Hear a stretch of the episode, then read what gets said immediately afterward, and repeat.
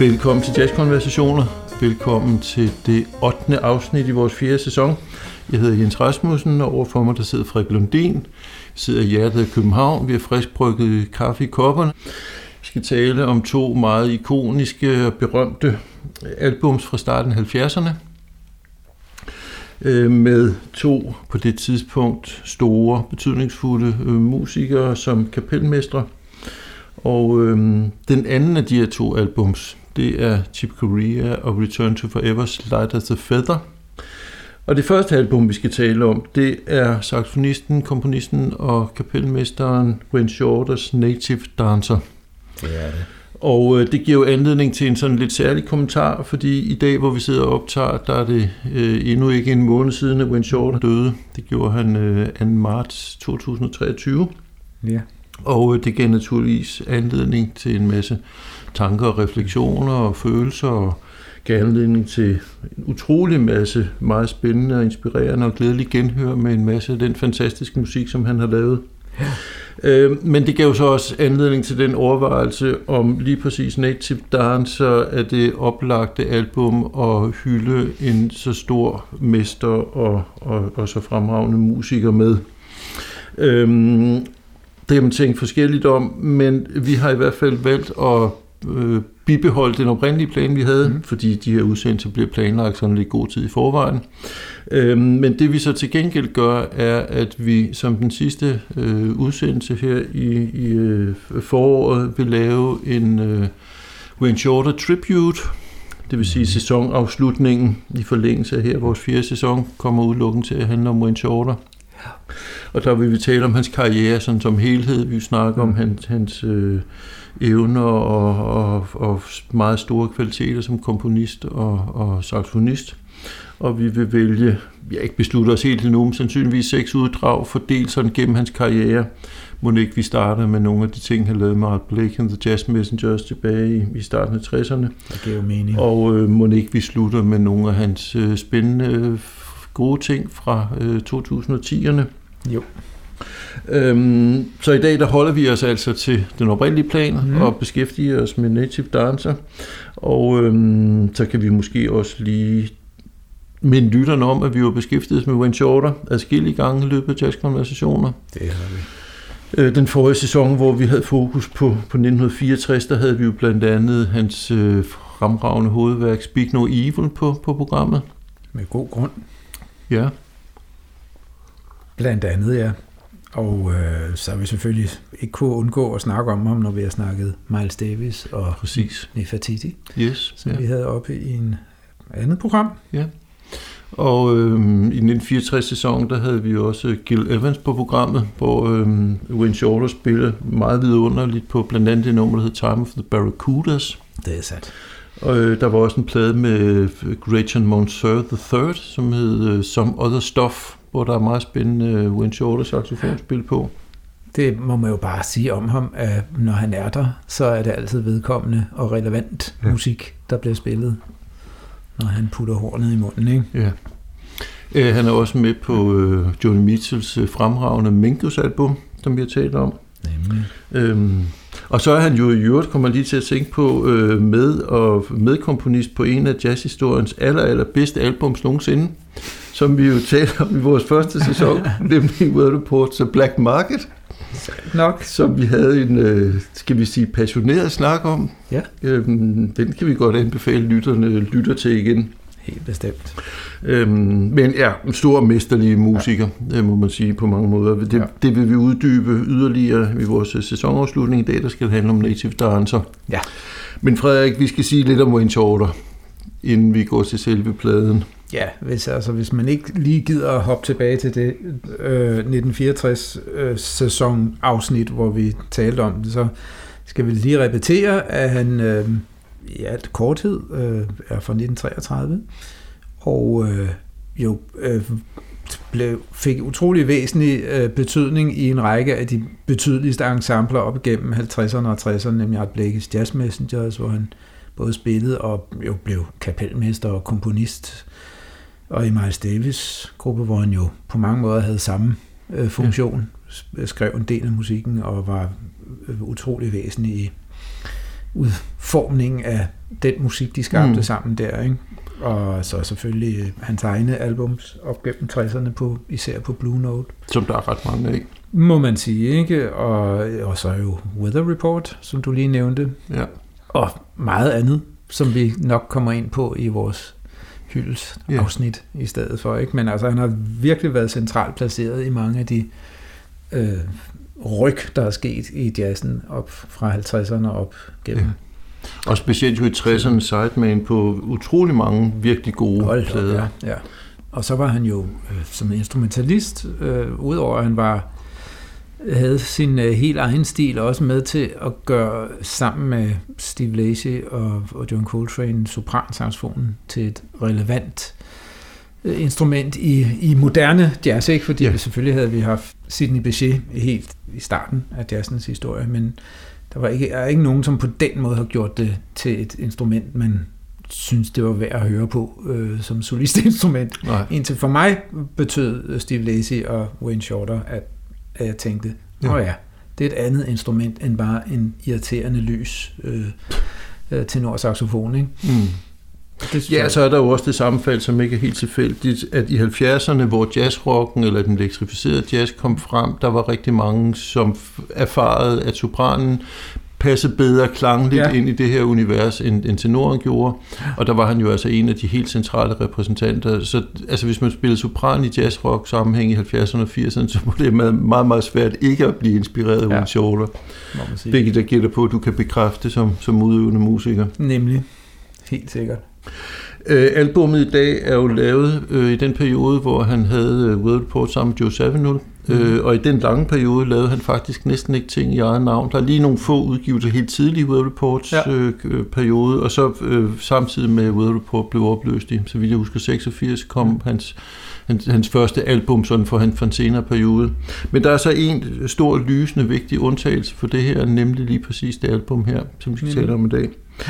Ja, Native Dancer er jo på mange måder kunne man sige, at det måske var øh, en øh, effekt af, at han blev portugisisk gift. For i hvert fald ifølge med det, jeg kunne læse mig til, øh, så startede det en interesse for portugisisk og brasiliansk musik, som jo fik indflydelse på øh, meget af hans musik mm. fra slut 60'erne og, og fremad. Øh, og han øh, blev jo også øh, allerede i, hvad var det, 1970, tror jeg, på det album, der hedder Moto Grosso Feo, indspillede han en Milton Nascimento nummer. Mm. Øh, Vera Cruz og Milton Nascimento øh, nævner jeg selvfølgelig, fordi at han er den anden øh, yderst væsentlige hovedperson på det her øh, album Native Dancer. Det må man sige. Fordi han jo dels øh, optræder som sanger, øh, guitarist, det hører man ikke så meget guitaristen, men, men hans meget karakteristiske sangforedrag er der, og flere af hans kompositioner. Øh, er det, har jeg ret i, at det måske faktisk er halv-halv? Ja, jeg sidder lige og konstaterer, at det er øh, meget tæt på at være halv-halv, og så er der et enkelt uh, Herbie Hancock-komposition, som slutter Ja. af. Øh, historien øh, skal øh, være, at øh, Flora Purim, sangeren, brasilianske sanger Flora Purim, som var gift med trommeslageren Ayrton Moreira, som vi begge to kommer til at snakke meget mere om efter pausen. Fordi hun synger på Light as a Feather, albumet. Ikke? Ja. ja. Flora Purim og, og Wayne Shorter deltes om udgifterne til at få fløjet øh, Nascimento og to af hans øh, Nascimentos brasilianske musikere Mm-hmm. til øh, USA, og så startede de med at spille med og indspille med Flora Purim, øh, et, efter scene et af hendes øh, væsentligste albums, i øvrigt. altså de tre Nascimento og Wagner Tiso og Robertinho Silva, øh, og øh, da de havde gjort det, så tog de over til Wayne, og så øvede de, og så indspillede de så bare lige Native Dancer også. Det kunne man lige så godt, når man alligevel var i byen. Ja, ikke? Og der må man jo sige, der er blevet lagt nogle ordentlige klatter her på i løbet af meget kort tid, som har haft gi- gigant betydning for, for den øh, musikken, øh, altså inden for jazzfusion og jazzfusion med vokal og, Og den brasiliansk inspirerede og jazzfusion. især den brasilianske inspirerede. Ja. Den fik også betydning for Milton Nascimentos s- musikudbredelse øh, Ja. i, uden for Brasilien. Han var jo en kæmpe stjerne i Brasilien allerede, men den her plade øh, startede ligesom en, en Nascimento-revolution i, i Mm. resten, i hvert fald i den vestlige verden. Ja.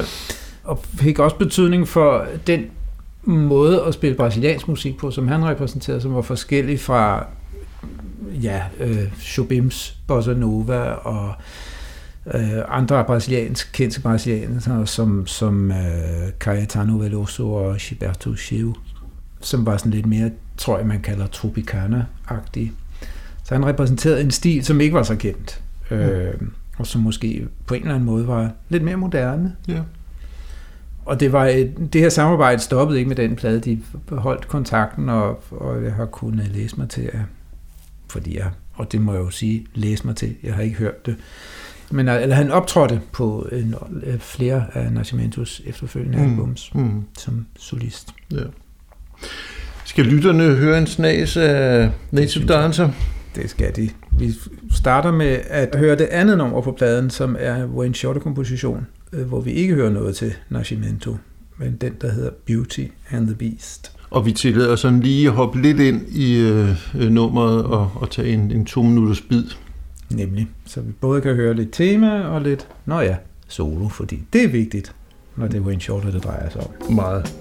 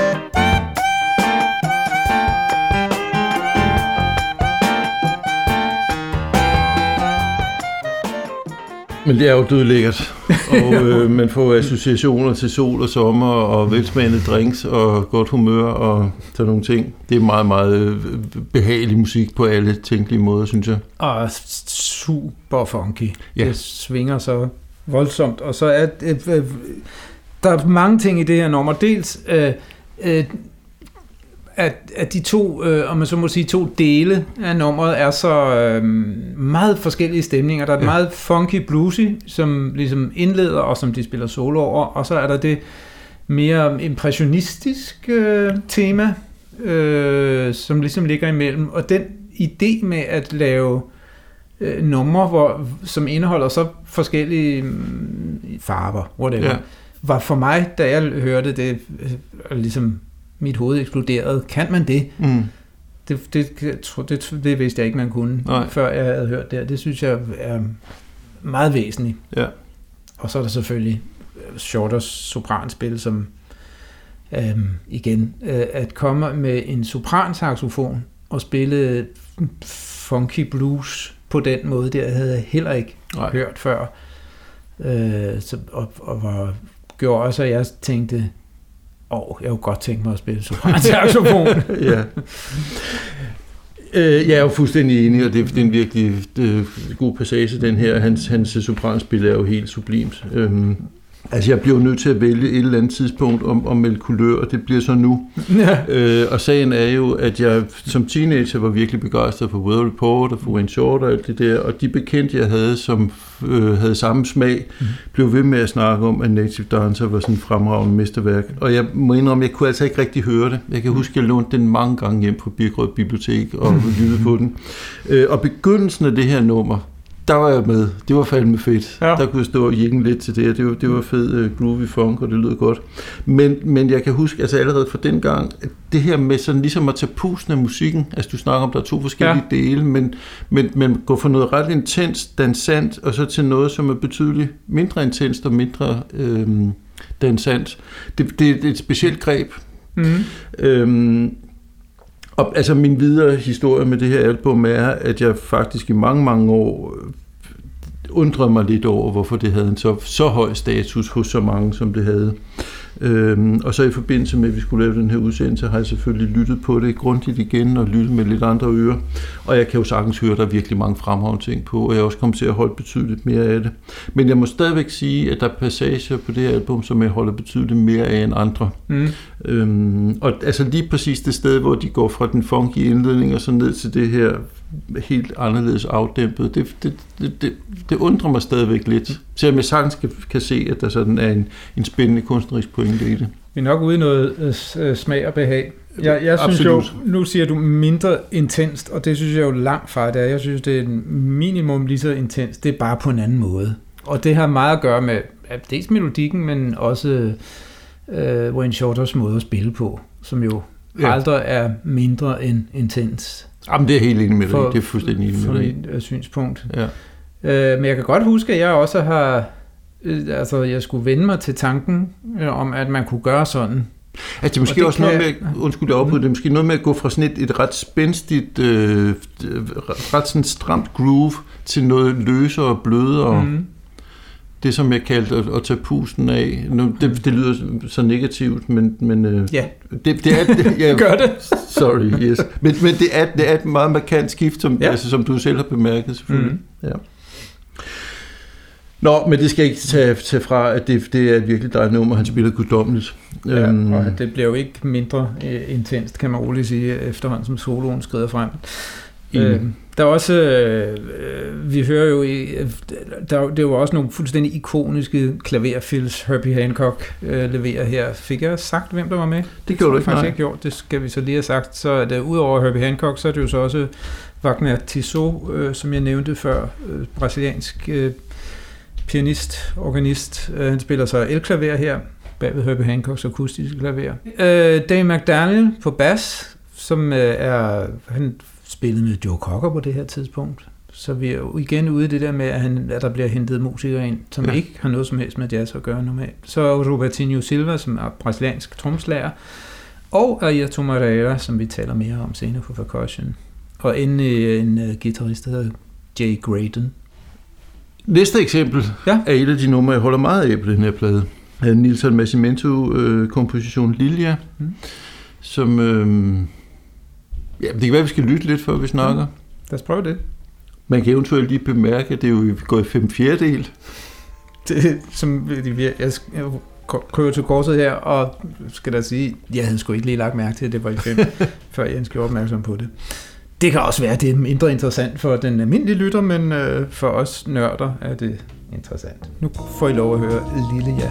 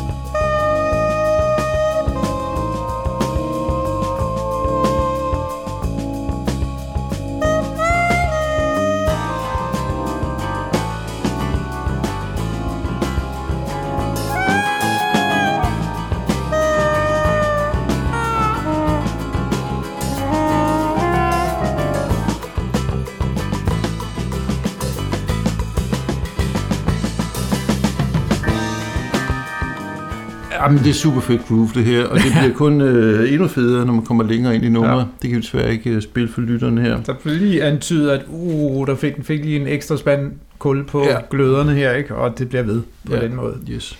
Og så hører vi jo begyndelsen af en Winchester solo, som er enormt øh, karakteristisk og ikonisk, med de her meget, meget få toner. Altså nu, jeg sad ikke og talte, men altså, hvis, man, hvis man sidder og tæller altså frem til den 10. tone, han spiller, så går det altså pænt lang tid. Ja. Han starter med to, pause, to toner, mm. pause, tre toner, mm. pause.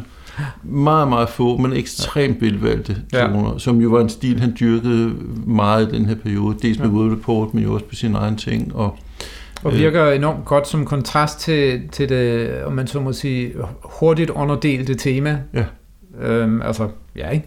Præcis. Da, da, da, da, da, da, da, da, synger han. Ja. Noget bedre. Yes. Øh, og så kommer de der helt langsomme toner, og også den øh, langsom gliden, nedadglidende ovl, øh, jeg vil nærmest ikke kalde det figur, men akkorder, der bevæger ja. sig utrolig langsomt. Ikke? Mens under det, der foregår nedenunder, ligesom er samme tempo og, ja. og drive. Det og det er jo præcis det samme, han dyrker med World Report på det tidspunkt, ikke? Mm. hvor der sker meget. Nogle, nogle af albums, der er vi Pistorius på bas, ja. og Perk i baggrunden, og en hel masse. Og så de her meget få velvalgte toner, ja. det kan også være på tenor i øvrigt. Øhm, men der, der var han virkelig en mester. Det må man sige. Øh, jeg har også lyst til endnu en gang at nævne Johnny Mitchell-pladen Minkus, ja. hvor han simpelthen, hans bidrag er simpelthen så fremragende og brilliant ja. og, og øhm, ja, mesterligt. Ja, det. Så har vi jo Milton Nascimento på sang her, øh, ja. øh, vokal, hvad hedder det, tek, tekstløs øh, sang. Øh, meget stemningsfuldt og meget karakteristisk. Og, øhm, meget karakteristisk ved, at han synger falset. Ja. Ligesom det var en, en trademark, men det var jo absolut ikke, gjorde han ikke hele tiden. Han havde Nej. meget smukt tenor også, som ja. vi, så må, man må lytte til nogle af de andre numre, for eksempel det, der hedder Tarte, hvis man vil høre hans smukke tenor. Ja. Øhm, ja. Skal man sige lidt om Milton? Jeg vil gøre ind i det. Ja, gør ind i det. Øh, han var så fra 42, øh, og har været aktiv i mange år med øh, spillet sin, efter sin, sin sidste tur i 2022. Men han er så i sidste i 70'erne, må han være nu, ikke? Født og opvokset i Rio de Janeiro, og er jo altså en af Brasiliens helt store mm. sangskrivere og sanger. Øh, de fleste har nok hørt om ham selv, hvis de ikke har hørt ham. Han udgav sit første album i eget navn i 67, og har jo så for jeg tror det er 43 albums eller sådan noget, han har fået udgivet og vundet adskillige Grammys. Og, og samarbejdet med alle mulige forskellige. Pat Metheny render mig i hu. De ja, netop, ja, ikke? Shorter Paul Simon, øhm, Carlos Santana, Quincy Jones, mm. Earth, Wind and Fire, Peter Gabriel og alle mulige andre. Nu nævner jeg jo så alle dem uden for Brasilien, mest fordi det er dem, vi kender. Ja. Men han er et kæmpe navn, og har, har, og har jo på en eller anden måde, fordi han har haft jazz som en inspiration i sin mm. egen musik, og også øh, kunne bidrage til øh, ja, utrolig meget musik inden, spredt set inden for jazz. Ja, de fordi der. han er vel, og det er formuleret som et spørgsmål, udover at være guitarist, er han vel først og fremmest sanger og komponist. Ja, at, at, jo, jo, jo, jo det, det, helt det, der, bestemt, ja. ja, ja. Gitarrist er man sikkert bare, hvis man vil noget med musik i Brasilien, har jeg fornemmelse af, fordi alle dem, vi kender, spiller guitar, ikke? Ja. og som regel også klaver, ikke han også kun. Han er, øh, ja, kæmpe kunstner. Øhm, altså jeg kan jo ikke få mig selv til at sidde her og tale dårligt om Milton Nascimento, men, men i den her sæson har vi nogle sanger på, på programmet. Det er mm. ikke noget, vi sådan har tænkt så meget over, mm. men vi havde Johnny Hartman for et par øh, afsnit siden, mm. og vi havde øhm, Astrid Gilberto. Og, øh, om Gio Gilberto Gio, også. Ja, yes, ja, bestemt. Øh, om meget kort tid skal vi, skal vi snakke om Flora Purim. Og det, det slår mig, at, at sådan nogle antipatier, partier, antipatier, eller hvad det nu hedder, mm. øh, måske nogle gange slår lidt kraftigere ud med sanger. Det, det er ikke noget, jeg har tænkt så meget over før. Øh, jeg ved, der er folk, som har det virkelig, virkelig svært med Johnny Hartman, ikke? og vi er mm. nogen, som elsker ham højt. Øhm, og når jeg får lavet den her kringlede indledning, så er det fordi, jeg prøver at tale mig frem til, at jeg faktisk har det en lille smule svært med Milton Nascimentos vokal. Mm. Og, og altså, det er jo selvfølgelig absolut ikke for at sige, at han ikke kan, eller et eller andet på den måde, men der, altså, der er noget omkring uh, smag og behag, som, øhm, Øh, ja, hvor, hvor jeg må sige, det, det, det, det rammer ikke lige så, så varmt i mit hjerte altid. Nogle gange synes jeg, det er vidunderligt, andre gange synes jeg, det er en lille bit smule anstrengende. Man kan sige, at øh, ja, det er jo smag og behag. Jeg synes, det er vidunderligt. Men øh, det, du siger om at øh, vokalmusik, jo øh, er noget, som vi på en eller anden måde alle sammen tillader os at forholde os til, fordi, nå ja, det er en menneskestemme, som vi alle sammen mm. er udstyret med, og det rammer tættere på, tror jeg, ja. sang, hvilket jo er igen sangens superkraft, at det, det man kan med stemme er, at vi kan ramme helt ind bag øh, facaderne og forsvarsværkerne, øh, og, øh, og dermed betyder det så også, at hvis der er noget, man ikke bryder sig om, så, så bliver det også mere ubehageligt, ja. fordi det ligger så tæt på. Ja. Og samtidig noget, som jeg som saxofonist har jo har forsøgt at efterstræbe netop de øh, menneskestemmemæssige kvaliteter, som især saxofonen, synes jeg i hvert fald, øh, har. Ja. Øh, det ligger i instrumentet. Mm. Mulighederne øh, er til stede i saxofonen, og en saxofonist som Ornette Coleman, synes jeg, er en af dem, som i ret høj grad har øh, er kommet tæt på noget stemme kvalitet. Mm. Og man kan lide det eller ej, det er et spørgsmål om, om ja. hvilken type stemme man kan lide. Men det, for mig er det tydeligt, at han har søgt øh, en, om man så må sige, stemmeagtig intonation ja. i sit spil. Det, det er meget interessant. Jeg, jeg, jeg havde aldrig tænkt over, før du har nævnt det ved en tidlig lejlighed, og, og jeg, jeg kan sagtens følge det, mm. hvad under den går. Øh, altså i forlængelse af det, du siger, der er jo en ret tydelig tendens til, at hvis der er en vokal i noget musik, så fanger det meget nemt vores primære opmærksomhed. Ja. Og det handler vel simpelthen om, at den menneskelige stemme er det, vi er til fælles med, med, med os alle sammen. Om som, jeg, sige. ja, som jeg sagde, ja. ja øhm, I forrige udsendelse, der talte vi om, om Pharoah Sanders pladen Karma, mm. hvor øh, Leon Thomas øh, synger ja. sine steder, og der er et, mange forskellige instrumenter, der blander sig ind og ud af hinanden, og det er mm. forskelligt, hvor mange der er med. Når, når han er med, så fanger det automatisk vores, vores øh, opmærksomhed, ja. og det er ikke bare fordi, han ligger, som han gør i mixet. Mm. Jeg tror, det er fordi stemmen øh, har sådan særlig øh, opmærksomhed på vores. Jeg vil sige, at jeg på mine ældre dage øh, er nået frem til, at jeg faktisk ikke er specielt interesseret i øh, instrumentalmusik. Det er lidt interessant, når vi nu okay. har en podcast, der handler om instrumentalmusik. Det smider vi lige tiden, her. Ikke? Jamen, det, altså, jeg, jeg opsøger ikke i særlig høj grad ny instrumentalmusik, så skal det være fordi det er kompositionsmusik, eller mm. musik, der på anden måde øh, trækker i mig, det er typisk musik for større orkester, hvor der er meget, der fanger min interesse og sådan mm. noget, men, men for mig er ja, det, det efterhånden blevet sådan, at hvis der ikke er vokal med, så skal der være noget andet virkelig interessant okay. for, for rigtig at fange min interesse. Det betyder jo ikke, at jeg ikke stadigvæk holder utrolig meget af meget af den musik, som, som, som har betydet noget for, ja, ja. for mig i min musikalske udvikling. Okay. Og den, det, det er ikke, jeg er ikke holdt op med at holde af det, og har stadigvæk stor glæde af at, mm. og, og, øhm, og, og, og vende tilbage til det, og blive mindet om, hvad det var, jeg synes om det. Ja. Men det er, jeg kan blot konstatere, at jeg, jeg ikke decideret opsøger ny mm. instrumental jazz, for eksempel. Ja, okay. Det synes jeg er enormt interessant. Ja, jeg ved ikke, ja. hvorfor, men sådan er det blevet. Ja. Øhm, sådan har jeg det ikke, men det, men det, det er jo totalt irrelevant i den ja. sammenhæng. Nej, jeg, jeg, jeg har faktisk altid været sådan lidt udfordret af, af, af vokaljazz og sådan. Mm. Øhm, jeg, jeg har det også sådan med vores tids popmusik og, og beat og rock og sådan noget. Jeg synes, der er alt for meget vokal. alt for meget vokal.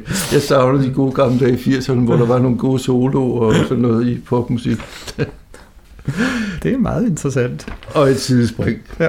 ja. Godt så. Skal vi høre noget mere ja, det skal vi. forfærdelig øh, vokal? Ja, og det bliver jo så indledningsnummeret på, ja. på Native Dancer her, vi lytter på. Som um, de fleste ganske givet vil kunne øh, nikke genkendende til selv, hvis de ikke vidste det, fordi det har været utrolig meget spillet alle vegne. Det øh, nummer, der hedder Ponta de Arreira, hvor vi igen hører, øh, øh, hvad hedder han, Nascimento synge i falset. Ja. I en meget, meget simpel, lille, repetitiv figur hen over nogle få akkorder. Mm. Og så igen oplever vi det der med, at øh, øh, Shorter kommer ind med en anden stemning. Øh, og de kontraster, der er der, øh, igen synes jeg er meget interessante. Igen tillader vi os, fordi forløbene er forholdsvis lange, øh, at øh, træde et stykke ind i øh, Nascimentos tema, som bygger op ellers med, at han starter med at synge helt alene, den her figur, og så kommer der mere og mere på. Vi kommer ind der i slutningen af, af, af repetitionerne, hvor der er kommet godt med stof på. Her kommer Ponta de Araia.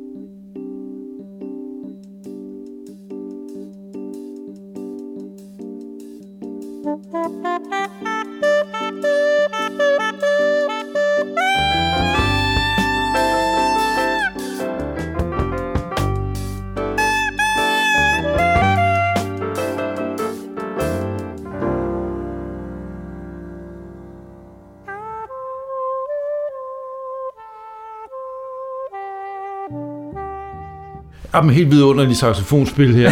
øhm, det må jeg sige. Du, ja. du øh, pinpointede lige et par helt ikoniske mm. steder, og dem der er flere af. Shorter lyder jo helt vildt meget som Shorter her, men ja. det er en kæmpe fornøjelse. Det der blanding af øh, inderlig enkelhed, øh, få toner, lige når han kommer ind og spiller noget temaagtigt, formoder jeg. Ja. Og så går øh, keyboardet, øh, Fender Rhodes, altså elektriske klaver, mm-hmm. i gang og den måde, han så kommer ind på, øh, staccato-agtig, øh, øh, sådan uh, usentimental, ja. er også øh, meget Wayne Shorter-agtigt. Jamen det er rigtigt, det, det synes jeg faktisk er en rigtig vigtig point, mm. jeg ikke selv har tænkt over, fordi det, han spiller jo så smukt og følsomt og alt muligt, men mm. netop altid enormt usentimentalt. Ja. Øhm, synes jeg er en vigtig pointe. Bestemt. Og så hører vi ham lige antyde temaet her, og det kommer ud i noget meget smuk passage, og så overtager Nascimento igen, og der kommer gang i rytmen, og ja. man kan danse igen, så Jens bliver glad. Ja, altså det piner mig jo utrolig meget at skulle sidde her og være det, den sure. Ja, men øhm, nogen lidt surhed skal vi jo have indimellem, ja. ellers bliver det hele for kedeligt. Jeg synes, Shorter spiller fuldstændig fantastisk, og der ja. er virkelig mange gode ting på det her album, og som jeg sagde tidligere, så holder jeg meget mere af det, end jeg nogensinde har gjort før. Men der, der, er, bestemt, der er specielt noget med rytmegruppespillet, som jeg simpelthen har det svært med. Mm. Altså hvis man skal være lidt objektiv, eller prøve at være lidt positiv, så kan man sige, at det er sådan meget luftigt, sådan lidt løst rytmegruppespil. Det er alt, alt det modsatte er bestandt og, mm. Og tungt, og der er også sådan noget med, generelt er det en sådan meget lysklingende musik, vi har med at gøre på det her mm. album, hvilket jeg sådan set godt kan lide. Men, men altså, det, det bliver simpelthen lidt for løst til mig. Altså, jeg, jeg, jeg, jeg, jeg, jeg savner, at de ikke tager ordentligt fat, eller sådan for fanden... Øh, det synes jeg jo, de gør, men det er på en anden måde end ja. rockmusikere typisk, bortset fra bassisten er rockbassist. Mm. Men, øh, men, ja. men ja. Og det, ja, og det, altså det er bestemt ikke, fordi jeg sidder og siger, at de ikke kan spille eller et eller andet. Jeg, jeg er absolut godt klar over, at det er sådan et bevidst kunstneriske valg, mm. og, og det er, en, det er en, en, en stil, der er udtryk for, hvem de er og hvad de vil. Mm. Øhm, men det, det, det, det taler ikke så meget til mig. Jeg, mm. jeg synes faktisk nærmest, det, det bliver en lille smule slasket. Du har talt dårligt om trommeslager på den gang, så jeg må godt sige slasket. Den får lov at stå helt alene og klinge ud, den udtalelse. Der bliver spillet for slasket på Native Dancer. Tror du, vi får vores første seerstorm efter den her udsendelse? Lad os håbe det. Det vil være, jeg vil elske en lytterstorm.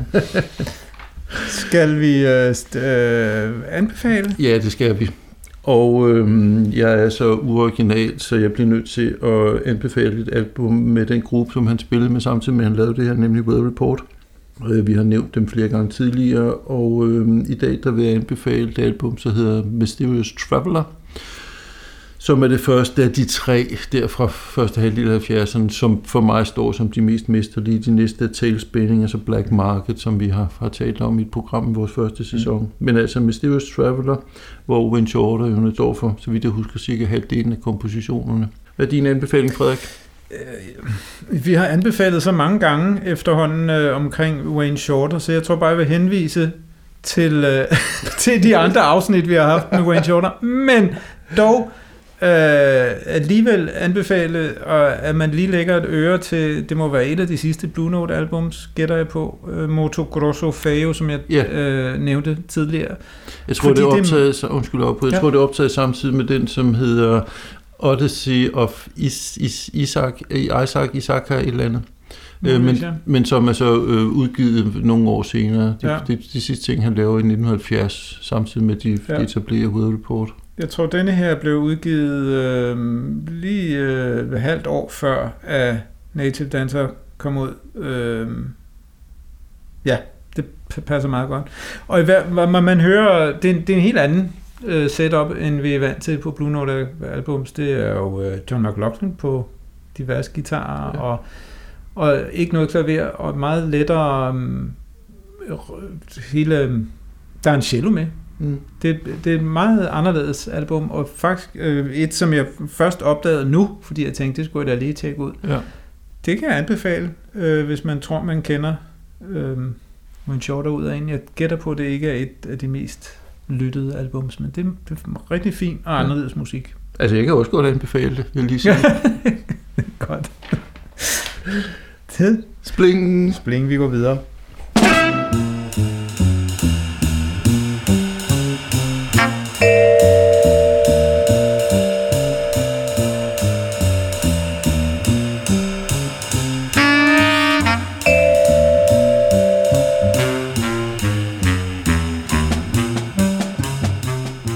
Ja, dagens øh, andet spændende album, det er jo Tip Corea Return to Weather's Light as a Feather, optaget i 1972.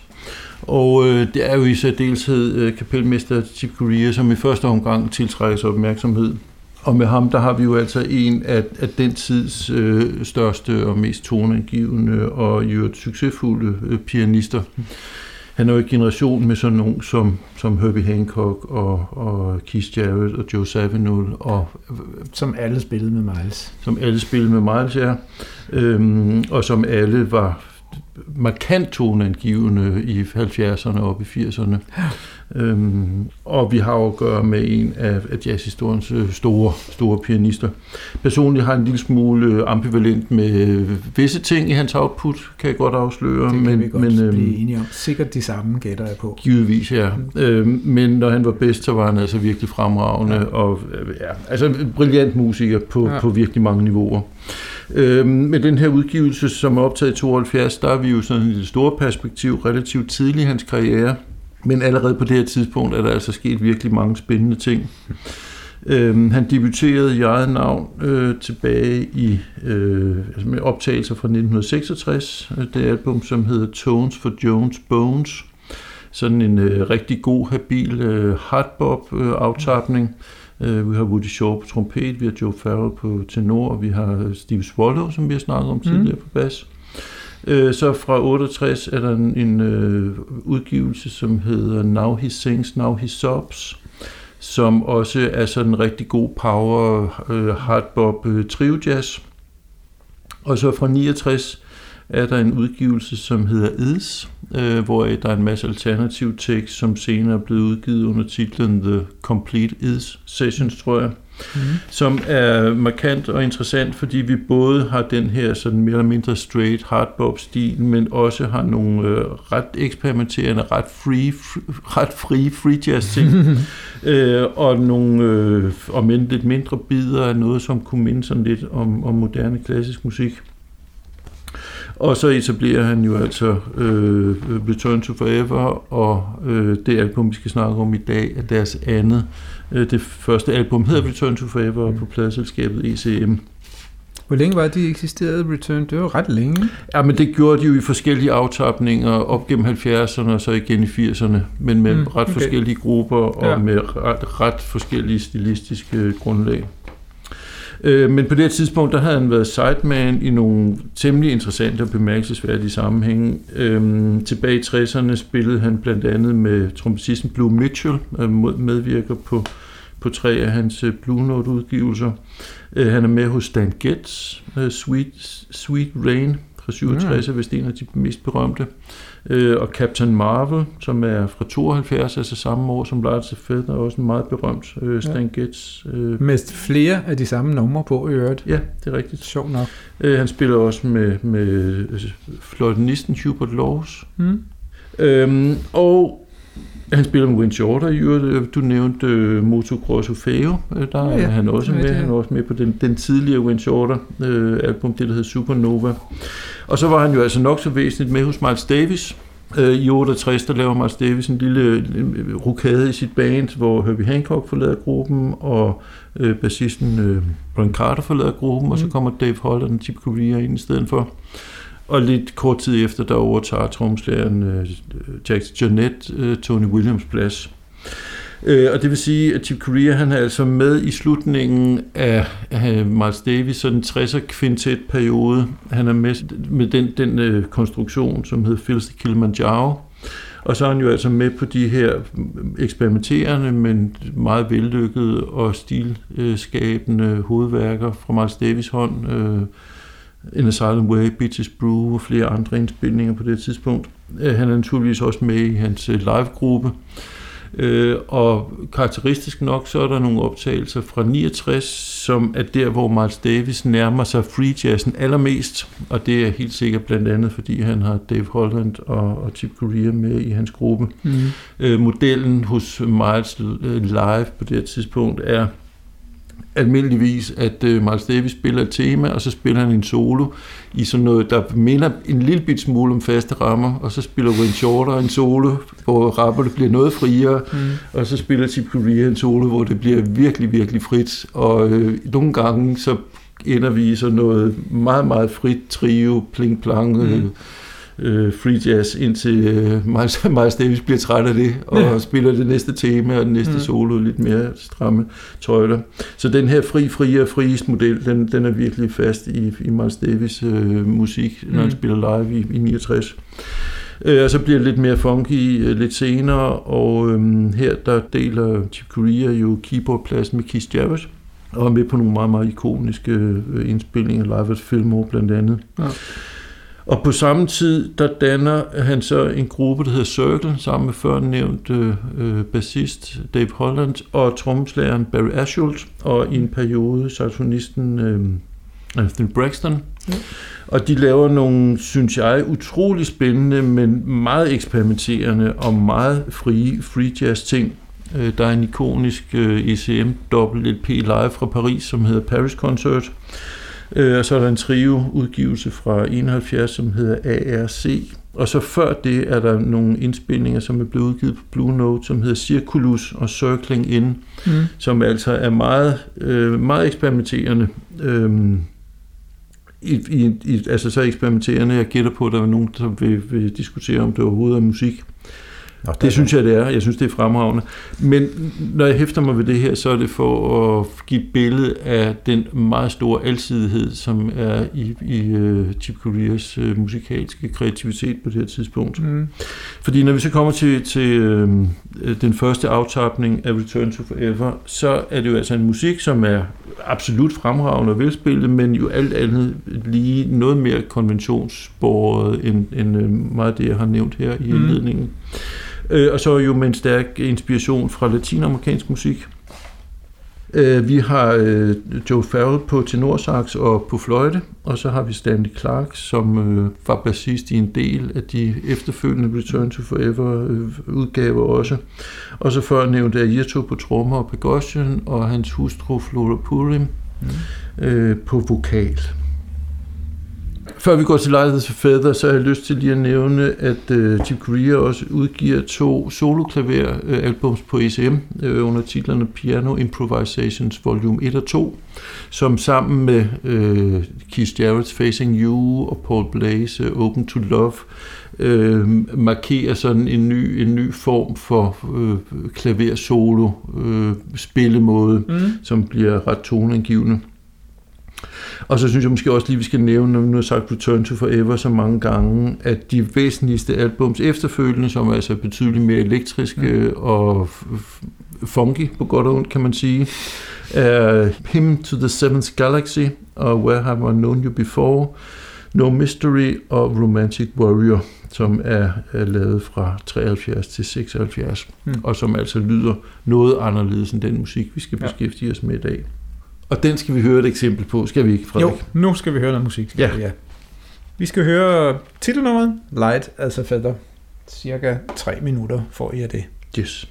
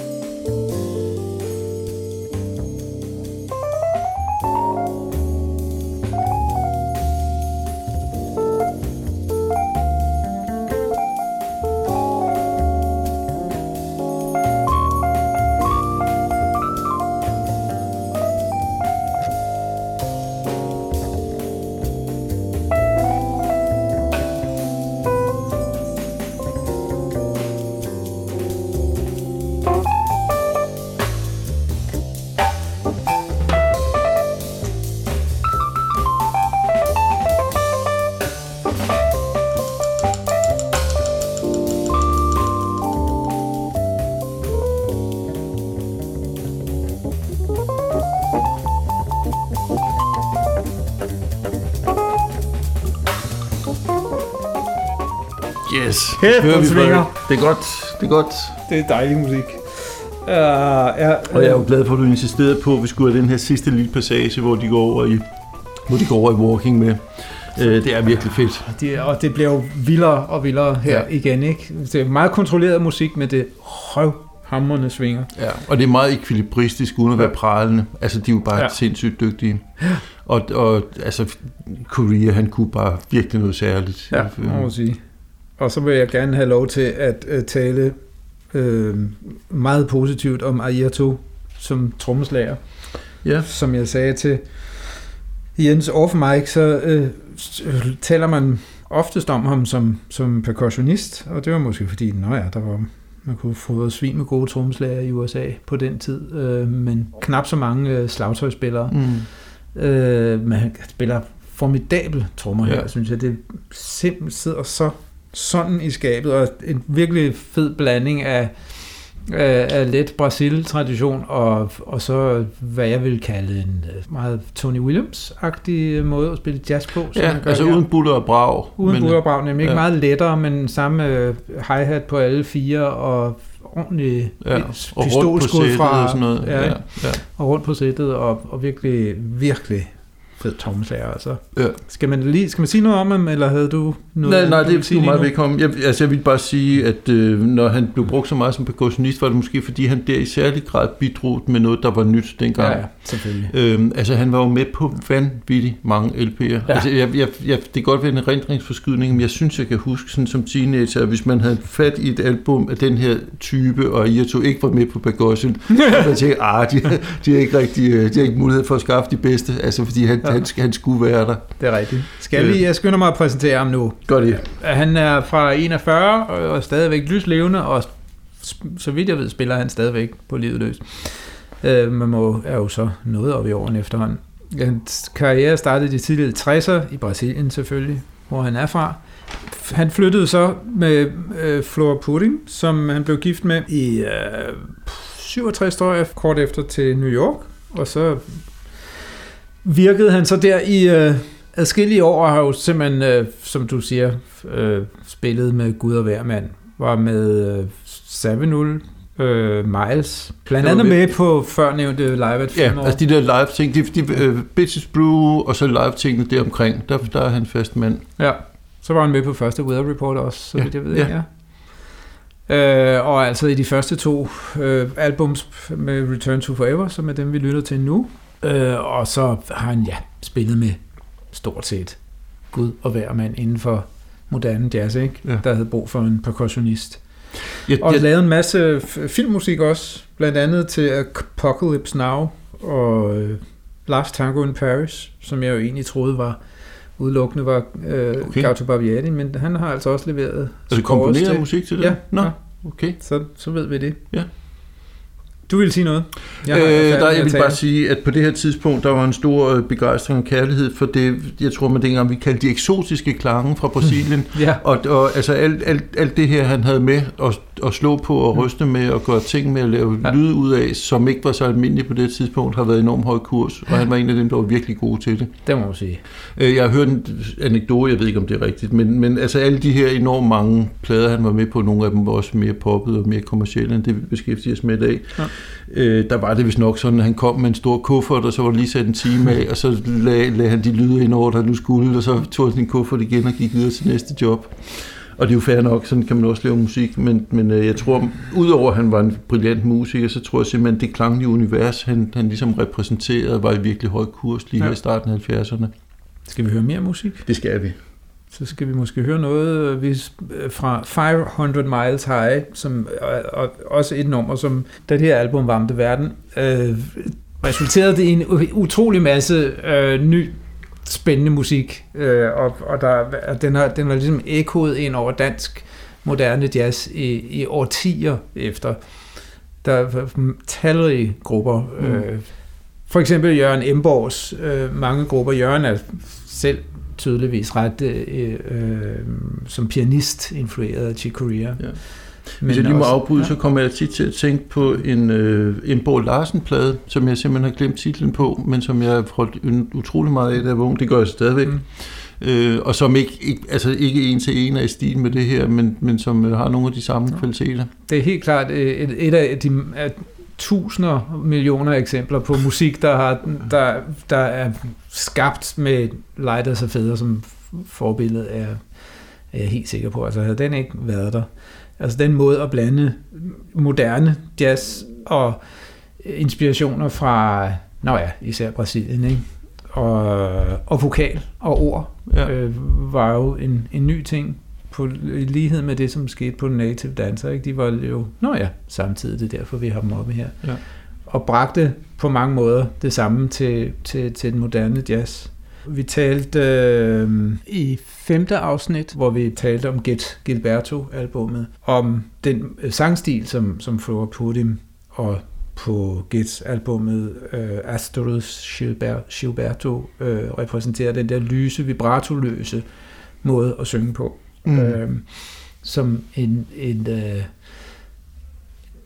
noget, der, om man så må sige, eksploderet på sanger sangerinde scenen, som at det, det var en ny mulighed for ja. at synge på en måde, der lød mere moderne, mm. end, end det, man ligesom havde trukket på, så hvor, man, hvor der ikke havde været nogen, der på så markant vis ligesom introducerede en måde med netop lyst og vibratoløs, som fungerede ja. med, med et mere moderne tonesprog og, og harmonik. Og, og lidt mere lyst, lidt mere luftigt. Ja. Øhm, og nu mangler et godt et, et positivt ord for spinkel, men altså det her med ikke at have, have sådan en stor voluminøs ja. stemme. Mm.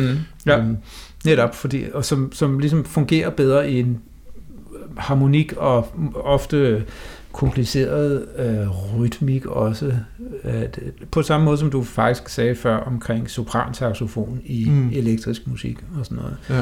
At det, det, det gav åbnet op for øh, helt andre muligheder, end mm. man, man havde haft tidligere. Ja. Og nu skal vi høre 500 Miles High. Vi starter igen øh, stykke ind i nummeret, der først præsenterer det rubato-temaet, øh, og så går de i tempo, og vi springer ind der for at kunne nå at høre øh, noget tenor saxofon solo. Hvem der spiller på den, taler vi om derefter.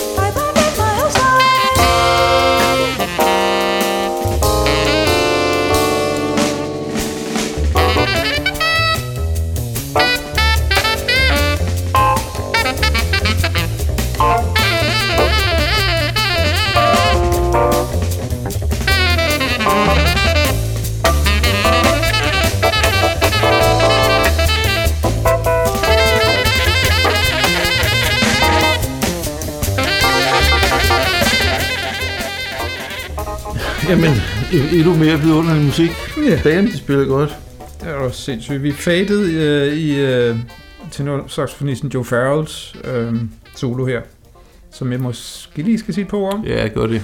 Han har jo også en meget væsentlig rolle som fløjtenist på, på øh, det her øh, album, som vi hørte lidt af i starten. I Light as a Feather kommer mm. til at høre mere, lidt mere af lige om lidt. Øh, han var øh, utrolig meget brugt. Øh, især øh, sideman og studiemusikere spillede igen på utallige albums med, i mange genrer. Mm. Øhm, altså multi-rørblæseren kunne, kunne spille på alt, hvad der havde rørblad eller var fløjte på en eller anden måde. Ikke?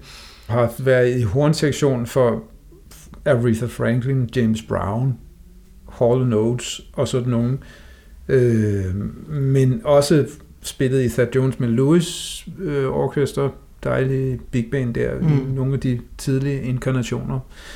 Og han spillede med Minkus og Andrew Hill, som vi har haft ja. øh, oppe som emne i en tidligere podcast.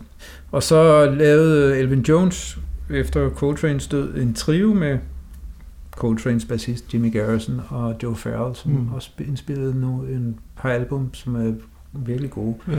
Så han er sådan en rigtig, øh, rigtig arbejdsmusiker med en utrolig god time. Han er måske ikke den mest personlige, men han kan undskyld udtrykket, fandme spille. Ja. Er, er, er han en stor saxofonist i din uh, bog? Ja, han er en virkelig dygtig saxofonist, mm. øh, og, og med en fed, øh, fed power, synes jeg, ja. øh, feeling. Ja, det kan jeg godt lide. Det, han er ikke en, jeg har dyrket, men, mm. men han er rigtig håndværksmusiker på, ja. På, på højt plan. Øh, og, og han har leveret mange virkelig fede solistiske indsatser mm. rundt omkring. Ja. Og så har han øh, udgivet en hel masse album i eget navn. Mm. 18 er det blevet til, ja. så man kan vælge at øh, opsøge noget af hans produktion, hvis man vil høre mere til ham. Altså der er sådan en, en håndfuld saxofonister, altså ham, Joe Henderson ja. og øhm, David Liebman og sådan nogle, som er super gode og super fede, som jeg aldrig kan finde på at sige dårlige ord, men, men altså, som altid forekommer lige præcis en lille smule upersonlige. Og det er måske bare, fordi jeg lyttet for lidt til dem. Ja. Det er svaret. Ja, For det, Joe Henderson og Liebman, synes jeg begge to, er store personligheder. Ja. Joe Farrell er for mig ikke en stor personlighed, han er bare en... Øh, og, og det er jo også det, han gjort en karriere på, at være virkelig dygtig til at indgå i alle mulige sammenhænge. Mm. Øh, og også levere smæk forskellige gode soloer, men ja. det er ikke sådan, at man tænker, wow, jeg vil være som Joe Farrell, når jeg bliver stor, mm. medmindre man vil leve som sessionmusiker. Så, så i, i din verden har Liebman mere bidraget med noget særligt? Helt ting. sikkert. Ja, okay. Også som sopransaxofonist. Ja. Altså helt særligt. Det er igen er quiet taste, men, men det er øh, helt klart genkendeligt for mig, Liebman. Yes. Ja. Øh, især, især altså fra slut 80'erne og frem, mindre indløsende, da han spillede med Elvin Jones for eksempel, ikke? hvor mm. det var noget mere Coltrane. Meget, ja. Han har, han har lavet mange ting siden. Jeg var ret vild med, øh, med, med den gruppe, der hed Quest, med ja. Richie Byrock og Billy Hart og Ron McClure. De, de spillede nogle de vildeste koncerter ja, okay. i Gang Montmartre, den yes. gruppe der. Det ja. var så sindssygt. Fedt. Efter sine havde de hinanden, men det kunne man ikke mærke, når de spillede. Øh, så har vi en bassist, som hedder Stanley Clark, som jeg også synes øh, kalder på et par kommentarer. Mm-hmm. Altså Stanley Clark var jo et kæmpestort navn i starten af 70'erne, og øh, ret kort tid efter den musik, vi lyttede til her, blev han jo meget berømt for at være virkelig god til at spille på elbass. Han kunne spille enormt hurtigt, han kunne spille enormt funky, han kunne noget, man ikke rigtig havde hørt før og var meget berømt som sådan. Mm. Og øhm, man kan få den sådan totalt kontrafaktiske tanke, at hvis ikke Jaco Pastorius var dukket op på scenen, så havde Stanley Clark stået som en af den tids største bassister. Mm. Det gik så anderledes. Ja. Øhm, og måske er vi også en del, der tænker, at den måde Stanley Clark spillede elbas på, ligesom hører en tid til, øh, som, øhm, ja.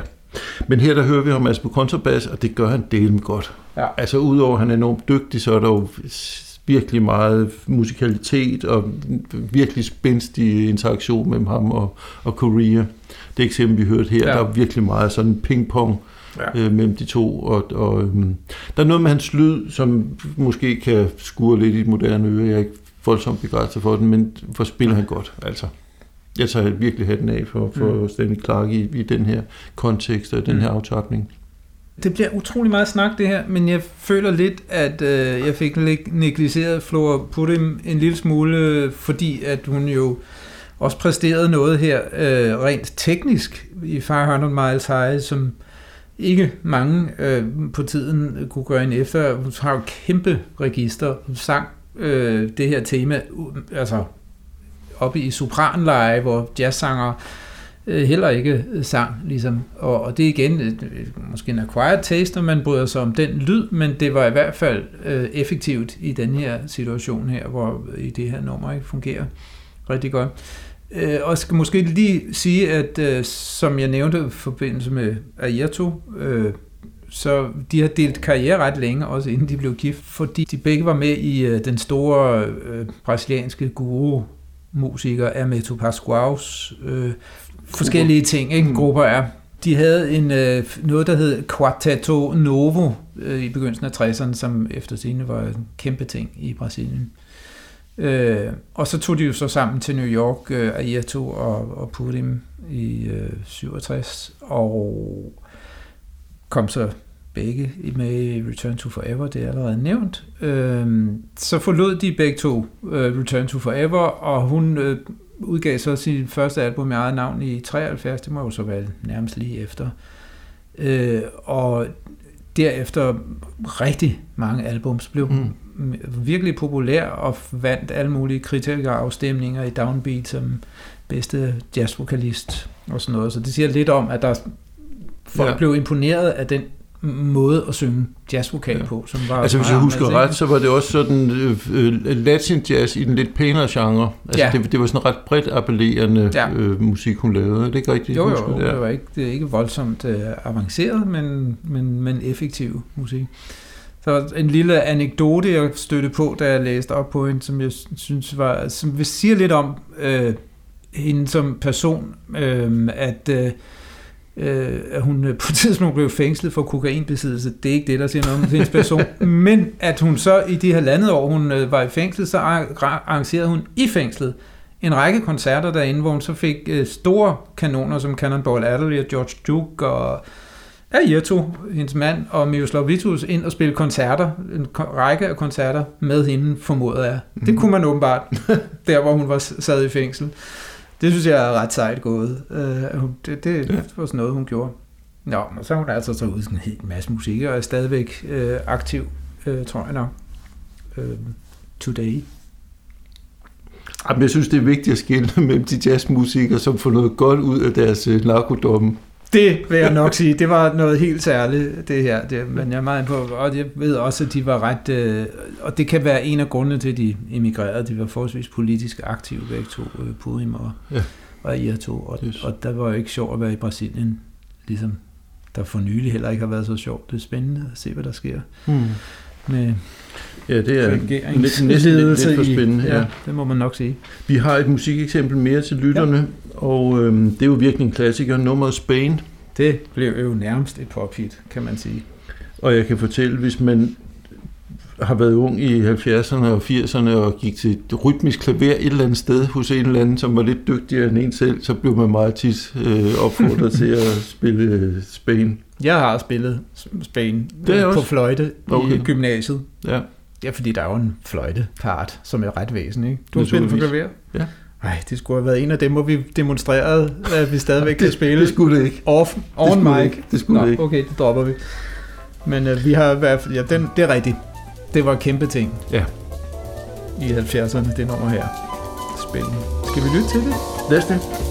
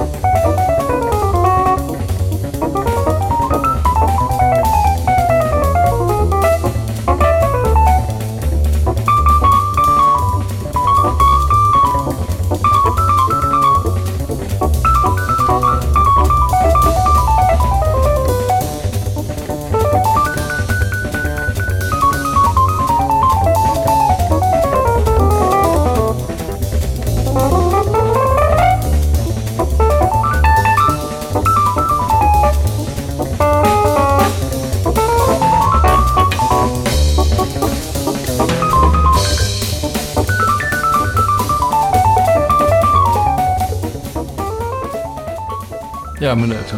Det er sådan noget, teenage-drenge rigtig godt kunne lide i 70'erne. Hold op. Fart over feltet ja. og mega imponerende. Ja. Det vi hørte her var, vi hørte lige en lille bid af tema, der har været, før det her har været lang øh, tema og fløjtesolo, og så fik vi en lille bid af det tema igen, inden gik i gang. Jeg skylder lige at, øh, nævne, at hele stykket øh, starter med øh, Tree Korea, som spiller alene noget musik, han ikke selv har komponeret. Han citerer fra det stykke, hvad skal vi sige, øh, kompositionsmusik, der hedder Concierto de Aranjuez af, af den spanske komponist Joaquín Rodrigo, øhm, som jo også var den stykke musik, som, nå ja, øh, Gil Evans Gil Evans, Davis. Ja. Præcis. Fra, på album med... Øh, Sketches of Spain. Præcis. Som de, de har taget, om man så må sige, hele koncerten øh, under behandling og rearrangeret den for Miles Davis og, og, og større orkester. Ja. Øh, jeg tror, det må være et af de albums, vi på et tidspunkt har anbefalet, da vi snakkede Miles Gil Evans. Ellers så kommer vi givetvis til det i fremtiden. Det burde man. Det er fantastisk musik. Ja, det er Også. Virkelig. Ja. Øh, vi har jo slet ikke øh, sat ord på, at øh, det kan godt være, at vi har sagt, at han spiller elektrisk klaver her, men mm. det var jo altså også virkelig en ting.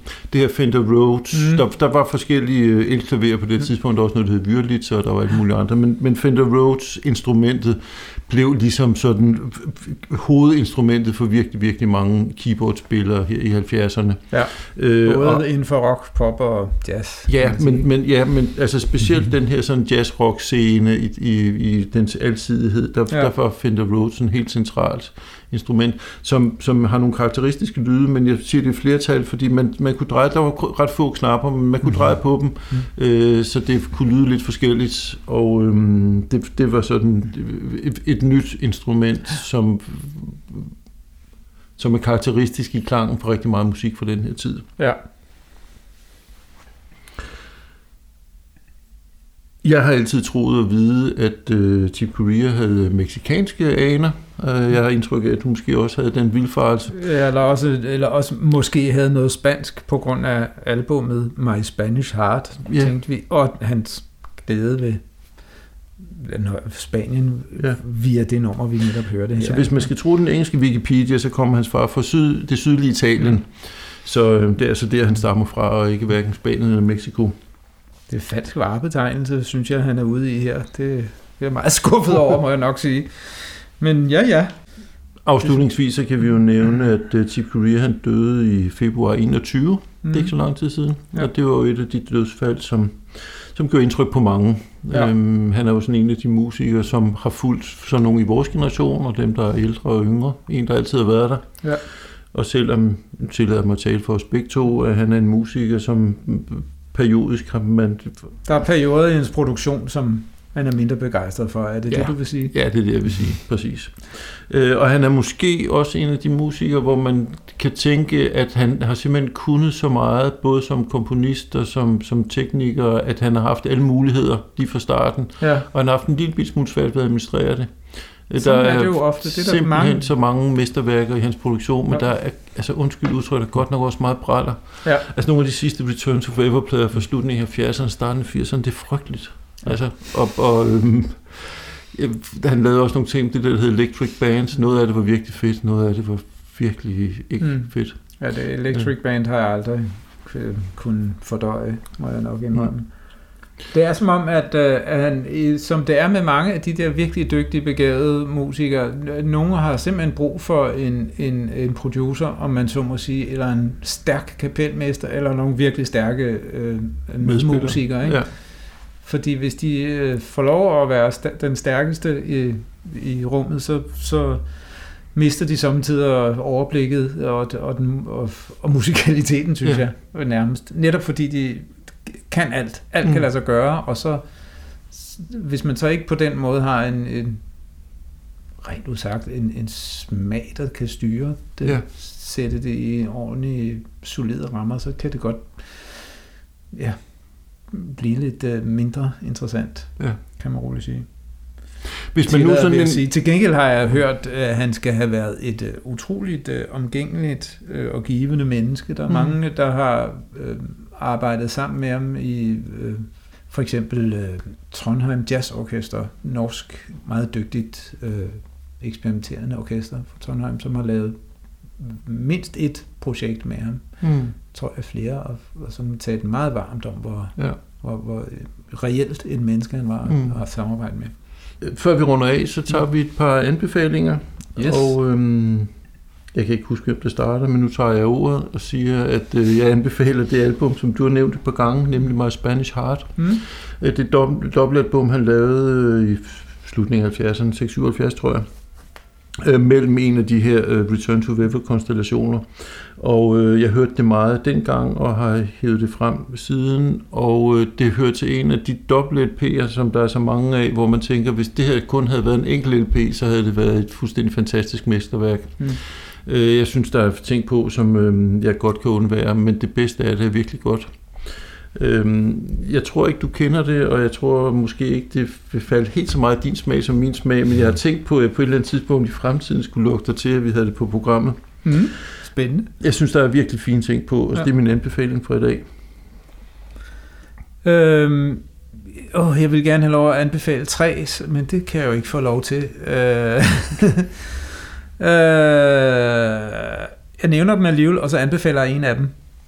Det, det kan man, kan man godt, ikke? Det kan man godt. Ja, godt. Altså, du har en anbefaling, Du har nævnt- og så kan du snakke det, du har Det er netop ikke, før fordi du har nemlig nævnt øh, et øh, album, der hedder Now He Sings, Now He's Up, som er hans andet i, eget navn med Miroslav Vitus og Roy Haynes, som jeg, på, som jeg synes, at du ikke gjorde helt nok ud af, at det faktisk er fuldstændig fantastisk mm. Triospil fra, med tre vanvittige musikere, som, som, som spiller formidabelt. Jeg, vil, jeg tror, du kalder det hardbop, og det synes jeg ikke, det er. Det er mere moderne øh, end det.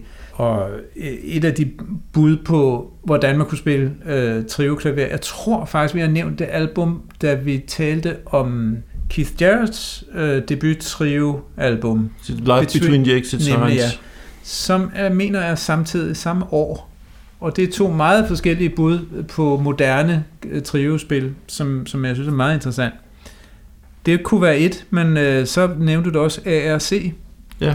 Øh, det har desværre noget med øh, titlen der øh, at gøre med, med Scientology. Scientology. Det skal dog ikke forhindre en i at lytte til virkelig fantastisk triospil ja. også, som fra tre år senere med Barry Altschul og Dave, Det er Holland, ja. ja. men det er mesterligt. mesterlig øh, moderne ja. triospil. Ja. Endelig er der en, øh, en Guilty Pleasure, som er øh, en, øh, et album fra 81 øh, med Steve Gadd og Eddie Gomez Og Michael og, Michael Brecker, der. Okay. hedder Three Quartets, Yes. Som jeg øh, røg på, fordi at der var nogen, der sagde, at, at Brecker øh, spillede fantastisk der.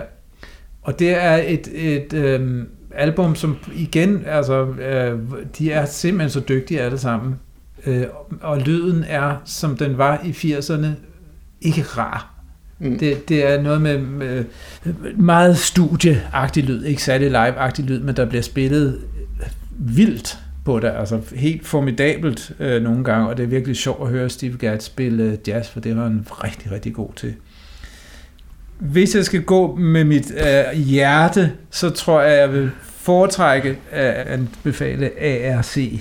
Det, det er så lidt mere krævende album, men det synes jeg at vide, at vores øh, lyttere øh, kan klare.